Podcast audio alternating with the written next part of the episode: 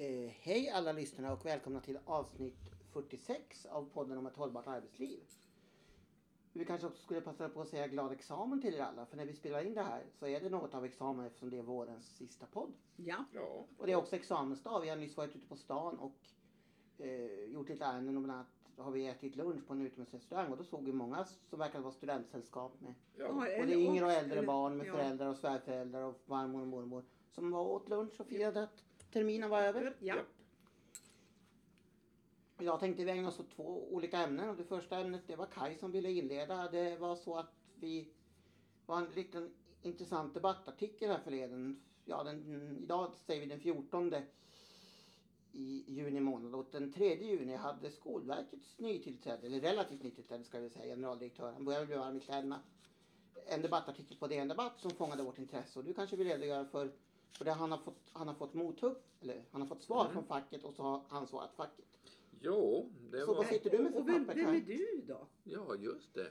Han, ska- han, sa, han sa, den här gången sa han verkligen poddnumret. Jag brukar klaga på det, men sa han... Jag glömde att presentera Men han glömde Ja. presentationen. Ja, det är Ja. för att det är värmebölja Det är värme. ja, i Norrbotten. Mm. Men kan du presentera dig själv? Ja, det här var Kaj Skoglund. Och, Barbro Skoglund, och Johan Skoglund och alla tre vi som vanligt från Age Management i Sverige AB. där satt den. Jag trodde att vana poddlyssnare vet om det här men vi kan ju ha några nytillkomna Man också. vet aldrig. You never know. Jag säger som flickan sa på tåget, vem är den nyponstigna de ropar efter hela tiden? Tal om nyponstigna och ny. Men förlåt Nå. jag avbröt dig. Nu har vi presenterat oss Jo, och nu det var den Kaj. 3 juni. Och det är så att vi har ju, i, eftersom vi har jobbat oerhört länge med generationsväxling och det här med, vi brukar ju ha, ha på företaget har vi ungefär dagens bristyrke. I dagens, i, i Norrbottens länstidningar Norrbotten idag var det om att nu finns det inte folk att få tag i överhuvudtaget i Gällivare. Nej. Så vi har ju det vi kallar för dagens bristyrke. Och i, i morse på TV så var det lokalt att det var tandläkare som det Mm. stod brist på. Det är därför de har den årliga samlingen nu när man bjuder in dem på studenterna på fika och sådär. Ja. Och Det är alla dessa aktiviteter som eh, arbetsgivare försöker klå varandra att bli Jo. det mest attraktiva. Mm. Jo, det är ju så det är. Och då har vi alltid sagt att det ska bli intressant att se när man börjar diskutera plan B, biter huvudet av skammen och säger ja, vi må ha ambitionen att vara en attraktiv arbetsgivare, attraktivare än alla andra, men vi kommer ändå att klara av att rekrytera. Och först ut i stor skala på den punkten får man väl ändå säga är ju Skolverket. För en- Inte för egen rekrytering. Nej, Nej. om jag nu får komma till punkten här så kanske det var lite långrandig inledning, Ja, därför jag blev avbruten. På DN Debatt skriver då verkets generaldirektör eh, Peter. som heter, vad heter han förresten? Han heter Peter. Fredriksson. Ja. Under Inte rubrik, Peder med det, alltså han hoppryttaren. Utan Nej, utan Peter. Okej. Under nytt stöd ska ge obehöriga lärare bättre förutsättningar. Och då säger man så här att eh, eh, den senaste prognosen visar att det kommer att behöva saknas omkring 80 000 lärare när vi blickar ett decennium framåt. Och Skolverket säger att det är klart att det absolut bästa vore om vi kunde rekrytera legitimerade lärare. Men det kommer inte att gå. Och då skriver man så här, vi klarar inte av den stora lärarbristen utan de obehöriga lärarna. Och då måste vi ge dem stöd, skriver Peter Fredriksson. Eh, och sen har man då lanserat ett program som man erbjuder kommunerna för att de ska kunna stötta obehöriga lärare. Det är inom tre områden. Det är då att eh, fördjupning inom skolans respektive förskolans uppdrag, om skollagen och läroplanerna. Det är om undervisning, bedömning, betygssättning, uppföljning och analys av lärande och utveckling och skolan och förskolans social arena. Och går man in på Skolverkets hemsida kan man hitta ett verktyg de har tagit fram så man kan använda en slags kompass för det här arbetet. Så det finns alltså ett Och digitalt verktyg. Detta har nu väckt ont blod för då skriver eh, företrädare för, för ordförande i Lärarnas riksförbund respektive Lärarförbundet att det är högst olämpligt att Skolverket som statlig myndighet tar fram en skenutbildning eh, som signalerar, oavsett vad Fredriksson hävdar, att obehöriga personer med lite statlig orientering kan ersätta legitimerade behöriga lärare. Och debatten avslutas i den här omgången av Fredriksson som replik säger att eh, det är ett stöd som ger en grundläggande orientering och kan självklart inte jämföras med en utbildning, alltså en lärarutbildning. Men samtidigt så att det är hundratusentals elever som, har, eh, som undervisas obehöriga lärare. Vi måste ge de eleverna chansen att få en så bra undervisning som möjligt. Detta är alltså Skolverket som har satt ner foten enligt plan B. Och Har vi någon det- kommentar till det? Ja, Barbro, alltså, du som är gammal både lärare, rektor och gymnasiechef. Precis. Det är så här att han skriver en till passus som är eh, som faktiskt jag kollade upp om den fanns kvar när hela den här Mm. legitimations eh, startade eller beslutet kom och det var, det var väldigt mycket och hur ska man klara det i de små kommunerna. Så tänker jag så här, det kan, det kan inte vara så att man har tagit bort den här eh, paragrafen i skollagen att en obehörig lärare, och den har funnits så länge jag har Mm, funnits och det var ju, Mm. är ju 35 år sedan. Då får man visstidsanställa den termin för termin. Det är alltså inget tills vidare förordnande. Den finns kvar och det är den man använder. Och det påpekar han också att i legitimationsyrken som läkare, sjuksköterskor och så vidare. Där finns inte den Undantagsregeln. undantagsregeln. Nej, Men det sant. finns det fortfarande i skollagen. För jag som... Och, och då är det så att det här är, blir så att säga en, det som förvånar mig det är att man inte har tagit fram den här typen av strukturerat stöd tidigare till kommuner där det alltid har Varit på det här sättet. på det här sättet att det, det har varit ett lågt antal eh, behöriga lärare. Men kan konstatera utan att på något sätt ha några synpunkter på en debatt som pågår i Luleå kommun kopplat till, till skolförändring, en skolförändringsprocess. Att en av de, de skolor som finns ute i kapillären där var det alltså, jag kommer inte ihåg, um, knappt 50 procent som var behöriga. 40 tror jag var ja, den lägsta 40, siffran. precis. Och det här är ju då så att säga i en, i en förhållandevis stor stad men i, i ytterkanten Mm, av, eller stor kommun men i ytterkanten utav den här. Så det här handlar ju om, tillbaka igen, hur skolchefer, Mm. rektorer, fackliga företrädare på det strukturerar det här arbetet så att man kan kvalitetssäkra det som man, som man förutsätter ska ha skett hittills Mm. också. Får jag bara skjuta in det? Det är fortfarande så att för att få sätta betyg i ett ämne måste man vara legitimerad Mm. lärare. Men det betyder ju naturligtvis att den här passusen är, är och då sätter man sin kråka i betygskatalogen. Mm. Eh, det, och det, den, har, den har alltid funnits så att säga att man har gjort de här, eller inte riktigt på det sättet men i alla fall. Jo, eh, då man, att kvalitetssäkra att faktiskt den här obehöriga personen men förmodar man med en ämneskunskap. Det är ju Mm, det mm. som det, det bygger på. Eh, eh, men man har så att säga inte gått lärarhögskoleutbildningen Mm. i, i det här sammanhanget. Eh, att den får kapacitet så att den kan förbereda den här betyget. För det är ju en Mm. lång process i de målrelaterade Mm, mm. betygen. Det är ju inte någonting som man räknar ihop statistiskt som man gjorde tidigare. Ursäkta Johan. Ja, det var jag- ingen Programledaren viftar ivrigt. Jag, får, jag ska bara säga två saker. För det första, det här med bara den här, när vi pratar om skolförändringar i en kommun, i grannskapet, så har de ju också sagt just det att en av anledningarna till varför man vill rationalisera och lägga ner den mindre skolor, det så att man har problem att just få behöriga Mm, lärare till dem mm. och säga att det är inte likvärdig utbildning. Vi ser inte det i hela Nej. kommunen. Men då, och då har vi s- små glesbygdskommuner där det inte är ett sådant problem utan det överhuvudtaget är svårt att få legitimerade lärare. Framförallt i en generationsväxlingssituation. Ja, Och sen vill jag bara säga det, kommentar till det du sa förut. Också, att jag, eh, de som känner mig och lyssnar på podden vet att jag som knäcker extra som bland annat som recensent på en kultursida. Jag recenserar mycket musik. Och när jag träffar lokala, eller när det är lokala konserter, bland annat klassiskt och jazz, så är det ofta musiklärare med. Och många av dem kan ju svara så att de är väldigt skickliga, kanske trumslagare eller på ett blåsinstrument eller stråkinstrument, men de har ingen formell musik. Vissa av dem har ju musiklärarutbildning, till och med att de är musikdirektörer. Men andra har det inte och, och men får, får, får jobba då ihop med en lärare då och få sätta betyg och går då på termin efter termin har gjort för kanske Mm. 20-25 år. absolut. Tidigare så kunde man, fanns det ett, ett sätt att hantera det där men det ska vi inte gå in på. Nej, det det var Ja, överkurs. Mm, det var överkurs. Var vi klara med Skolverket? Ja. Ja. och det är en bra övergång nämligen till, Till nästa, nästa- del. Jo, det är ju nämligen så att vi läser ju ibland, eh, eller mm, ofta hör man ju att Sverige är bäst i klassen vad gäller äldre som jobbar. Man får väldigt ofta höra också att äldre jobbar mer och mer, att det är fler och fler äldre som väljer att jobba. Och en fråga man ju måste ställa sig då är varför väljer äldre, kan man säga, eller fråga man inte man måste, men som man kan ställa sig varför väljer äldre att jobba vidare? Är det för att de vill tjäna pengar? För att de har för låg pension? Är det för att de tycker att det är kul att jobba? Och, och om man då kan veta vad det är som gör att äldre tycker att det är kul att fortsätta jobba kan man då öka incitamenten. Alltså om, om, om de tycker att det är roligt att jobba ska man göra roligare arbete. Om det bara är för pengarnas skull vill de ha mer betalt. Alltså hur ska man lyckas locka äldre att, att och vad är det som gör? Och det har det kommit studier på samtidigt som Svenskt Näringsliv också har gett sig in i debatten. Ja, men det är en annan aspekt. Ja. Det vill jag gärna ta Ja, precis. Precis, men Barbro kanske att ska- du- Du För kan det handlar om två olika saker. Det- Precis. För det var intressant att vara alltså, häromdagen så fick vi, som jag ofta har nämnt i podden, tidningen Arbetsliv och där ser man att 52 procent av arbetslivets webbläsare säger att roliga arbetsuppgifter skulle kunna få dem att jobba längre än till 65 år. Endast 11 procent svarar att lönen har betydelse för beslutet. Och det, men det där, det där är också då en sanning med modifiering. Vi kan börja på lönen. Ja, Så är det så att för, för vissa grupper och det visar sig att det är fler, högre procent för kvinnor för de har lägre års, livstidslön än vad män har.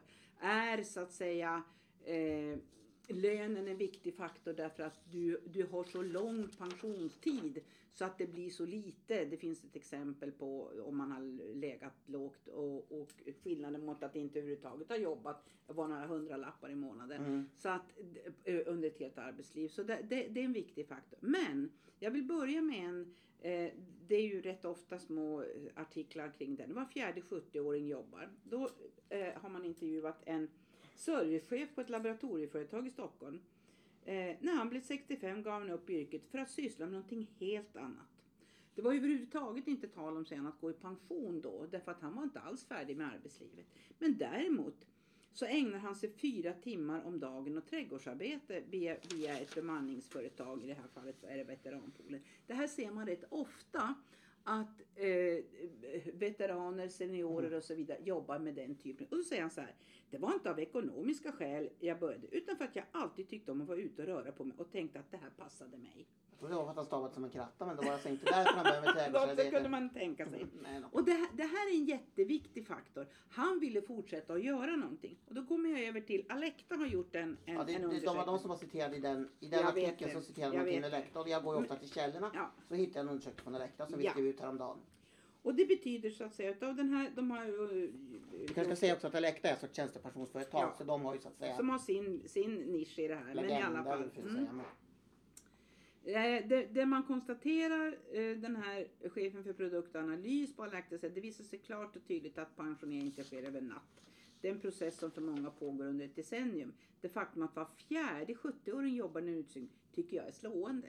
Och där är så här, vad är, vad är störst? 68 procent, vet du vad de svarar? Mina arbetsuppgifter är stimulerande. Det är alltså kul att gå till jobbet. Ja, precis som man sa på Sunt Liv. Precis som man sa på Sunt Liv. 52 Som, som, precis som gör att vi fortsätter att arbeta trots att vi är ett och två från 70. Därför att det är kul. Mm. Därför att det är fantastiskt roligt att ha arbetsförmågan. Att vara sedd och behövd, att ha stimulerande arbetsuppgifter. Nästa det då.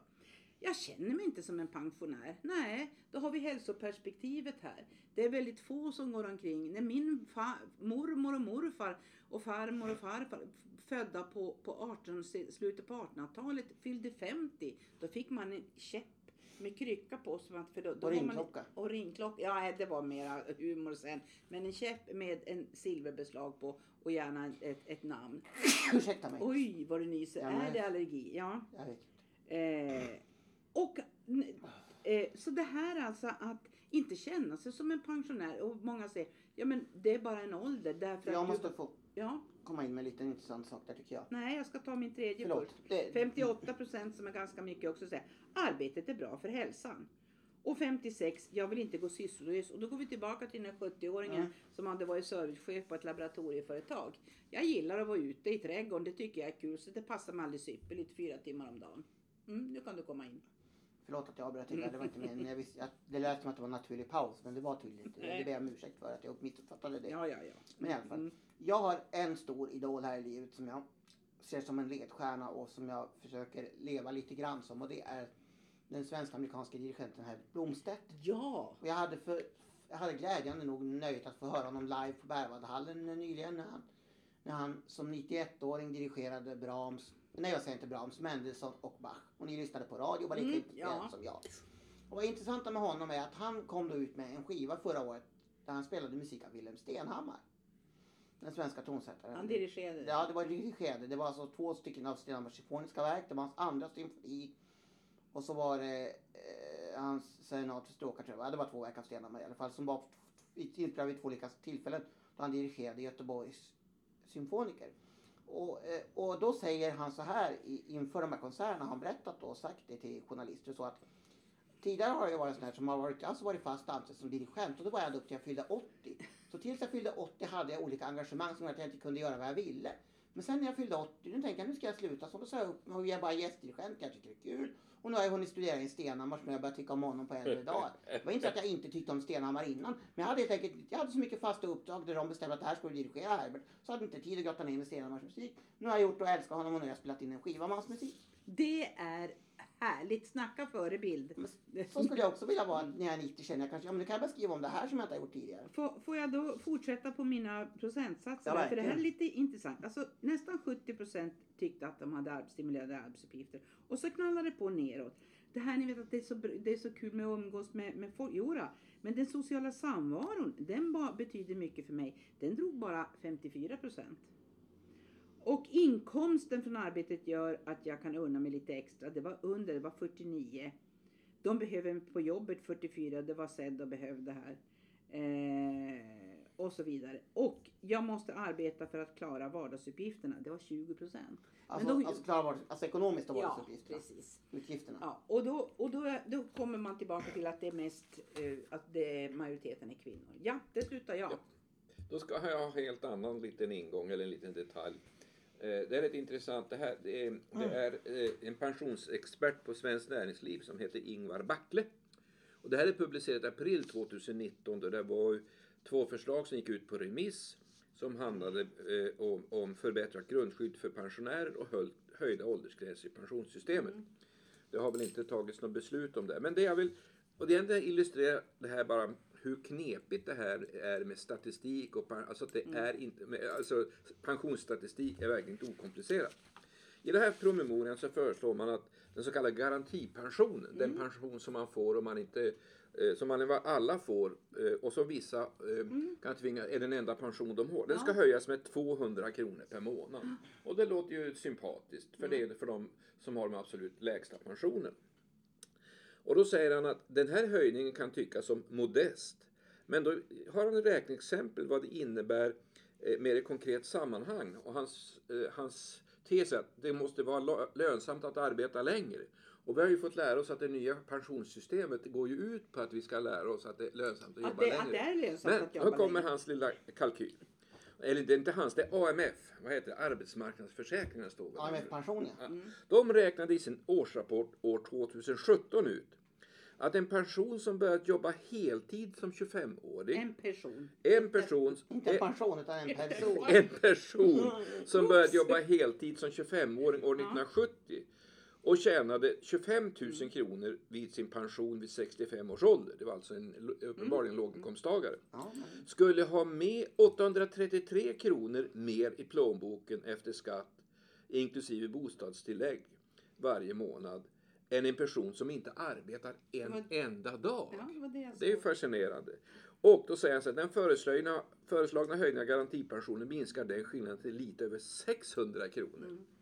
Eh, Och då kan man, se- sen kan man ju fundera på den som inte har arbetat en enda dag, som inte har från i, i 40 år inte haft några inkomster som har gett någon pensions, någon tilläggspension. Då kan man fundera, vad har de försörjt sig på? Mm. Men icke desto mindre. Det är ju lite relief hur komplicerat det här systemet är. Mm.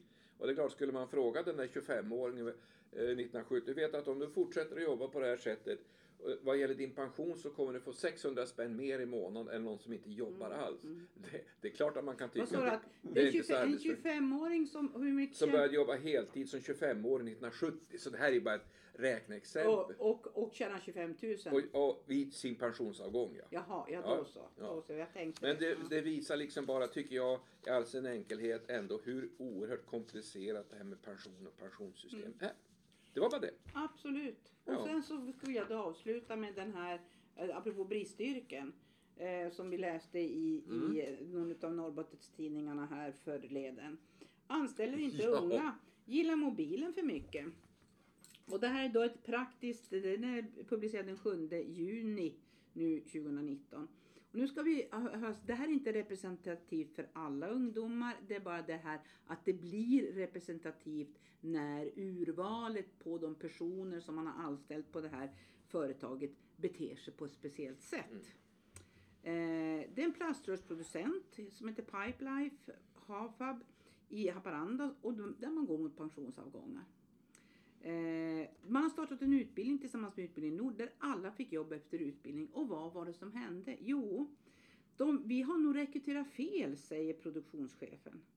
Eh, det har inte varit rätt att rekrytera nya personer som kan stanna på firman under en längre tid. Jag tycker det är svårt att få bra ungdomar. Det är kanske en av 30 som är bra. En av 30 frågar reportern. Det är många som har svårt att passa tider och de gillar mobilen för mycket. Alla måste kunna göra en insats på skiften om de ska jobba här. Eh, och det här är ju då en del i mytbildningen. Mm. Att det, nu är ju alla ungdomar inte, vi ska inte, det här, det här att dra alla över en kam, det är förödande. Vi vet att det inte är på det sättet. Och, Nej, det här, jag, och då visade sig, vad gjorde de istället? Jo, de tillsammans med Arbetsförmedlingen och en utbildning, Nord som man heter, man startade en utbildning eh, och vi vill ha personer över 30 år som har etablerat sig och som verkligen vill jobba här i Haparanda. Mm, det vill säga sådana som, som är Men eh, vi måste få tag i folk som har varit i arbetslivet ett, ett tag. 23 personer kall, kallades till intervju och man valde ut fem av de här personerna. Mm. Alla mellan 30 och 40. Nu har alla fem fått en tre månaders anställning och de hade fått en introduktion på, vad var det, 12 veckor. Mm. Och, och nästa år kommer det säkert några till att gå i pension och sen kommer det här att fortsätta. Intressant. Och det här är liksom ett, ett annat Mm. sätt att då, istället för att gå ut, utan man, man specialutbildar till det man behöver. Bara en kommentar. Det här med fördomar i det här fallet mot ungdomar. Nu var ju det här hans reella erfarenhet. Ja. Men just det här, de här som håller på och säger att vi har ek- generation X är så och Y är så. Mm. Om man då får för sig att en generation är på ett visst sätt och så får man sådana negativa beskrivningar. Det bidrar ju till att stärka att så här är ungdomar. Vilket eh, naturligtvis inte är sant. Nej. Utan det, det, det är lika stora variabler i ungdomsgruppen som vad det då visar sig är i, mm, om man vill fortsätta arbeta Mm. efter 65 eller Ja. 61 eller 63. Ja. men jag tycker det där med mobilerna var intressant. För att ett av de senaste reportagen jag har gjort i min uppdrag som fredagsjournalist är att jag har skrivit ett reportage och intervjuat en präst som ansvarig för konfirmationen här Ja. lokalt. Och då frågade jag henne hur är det med mobilerna då? Jag sa hon, när man är på konfirmationsläger under själva undervisningen och sånt, då får man lägga bort mobilerna så när vi har alltså studietimmar. Men sen när det blir lunch och när vi har raster och sånt, då får man tillbaka dem. Vi kan ju inte vara för elaka mot ungdomarna. De måste ju kunna få ha lite mobiler också. Så man kan inte ta bort dem hela dagarna. Men här på företaget, där har vi förbjudit alla mobiler under arbetstid. Eller hur var det? Eller under poddar. Nej, sen vill jag bara avsluta med en sista reflektion som jag tycker är intressant här med bristyrken. För några år sedan kunde vi läsa om, om i Expressens, eller Kvällsposten, det är ju deras sydsvenska edition, om en, om en man som hade avlidit och han, han älskade Elvis Presley. Mm. Han var i 50-årsåldern så när det var dags för begravning så ville, han hade skrivit uttryckligen att jag vet att man ska spela min favoritlåt med Elvis Presley, att det ska vara Elvis som sjunger, så det ska vara en CD-skiva. Och då sa han, nej sa kyrkoherden, det godtar vi inte i vår församling, man får inte spela skivor på begravning, det ska vara levande musik. Och nu läser vi här senast att det senaste briststycket jag såg, det var kantor. Just Det är det. jättesvårt att få tag i kyrkomusiker. Så kan det gå. Så jag ställer mig frågan, kommer Svenska kyrkan och andra församlingar av nö, nöd och tvungsel Apropå Skolverkets, att, att, Plan B. att tvinga tillåta CD-skivor på begravningar? Apropå plan B. Plan B. Tack. och trevlig Sommar. sommar! Säger vi och lyssnare. tack för att ni lyssnar på vår podd och att vi kommer att fortsätta. Alltså, till kör. hösten är vi tillbaka med Japp. avsnitt 47 och framåt. Ja. Tack Ja. och hej! Tack och hej!